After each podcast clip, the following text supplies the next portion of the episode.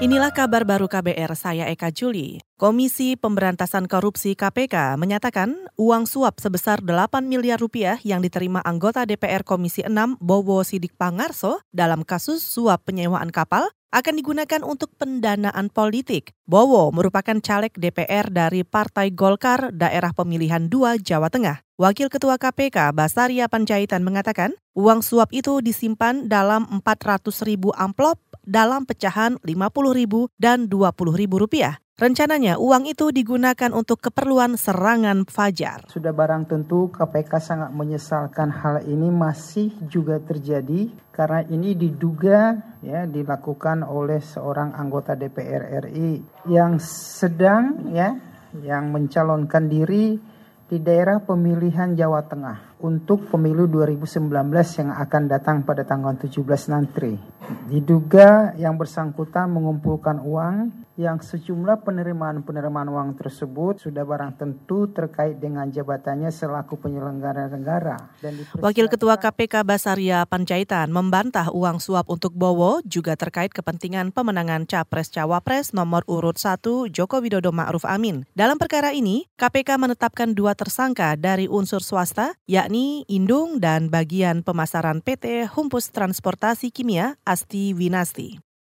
Ke informasi lain, Sebanyak 26 narapidana kasus narkoba di Lapas Kerobokan dan Bangli, Bali dipindahkan ke Nusa Kambangan. Dari jumlah itu, empat napi masuk kategori resiko tinggi atau high risk dan ditempatkan di Lapas Batu, Nusa Kambangan. Kepala Lapas Batu, RWD Suprianto mengatakan, bandar narkoba Abdurrahman Willy alias Willy Aksaka merupakan salah satu dari keempat napi tersebut. Sementara itu, 22 napi lain ditempatkan di Lapas Narkotika. Ya, masing-masing sesuai sesuai peraturan, sesuai ketentuan pada tahap awal bila seseorang baru seorang narapidana baru memasuk uh, masuk dalam lapas itu kan harus ditempatkan khusus di blok atau kamar uh, admisi orientasi sebagai masa pengenalan lingkungan atau masa pembinaan awal.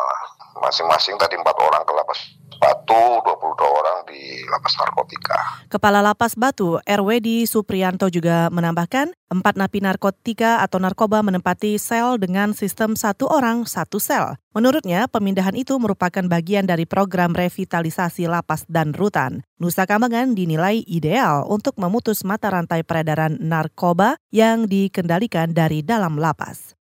Saudara, lembaga yang bergerak di isu lingkungan, Ekoton, mengkritik Gubernur Jawa Timur Hovifah Indar Parawansa karena lamban mengatasi pencemaran di Kali Surabaya. Ruli Mustika dari Ekoton mengatakan, Hovifah belum mengambil tindakan apa pun sejak dilantik, meski Universitas Indonesia telah merilis temuan tentang mikroplastik di Kali Surabaya. Sudah ada, sudah ada di, di, di jembatan Karangtilang Sidoarjo, Dinas Kominfo yang memasang. Karena sebelumnya Bu Hovifah sama tim Ekoton itu melakukan susur sungai dari mulai Jagir, Jagir Surabaya sampai di jembatan Karangpilang itu. Mungkin apa sudah mulai kelihatan ketertiban atau ketaatan masyarakat ini dengan pengawasan yang seperti itu.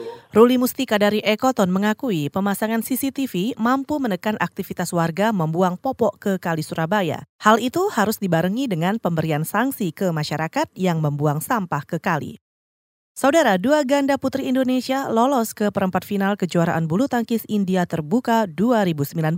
Gracia Poli dan Apriani Rahayu melangkah ke delapan besar setelah menang mudah atas wakil India Venkata Tulasi dan Sivani Santos. Ganda putri unggulan pertama ini bakal berhadapan kembali dengan wakil tuan rumah Aswini Ponnapa dan Reddy Siki. Sementara pasangan Della Destriana dan Tania Oktaviani hari ini ditantang unggulan keempat asal Malaysia Vivian Ho dan Yap Cheng Wen. Della dan Tania lolos ke perempat final dengan menyudahi perlawanan ganda Cina.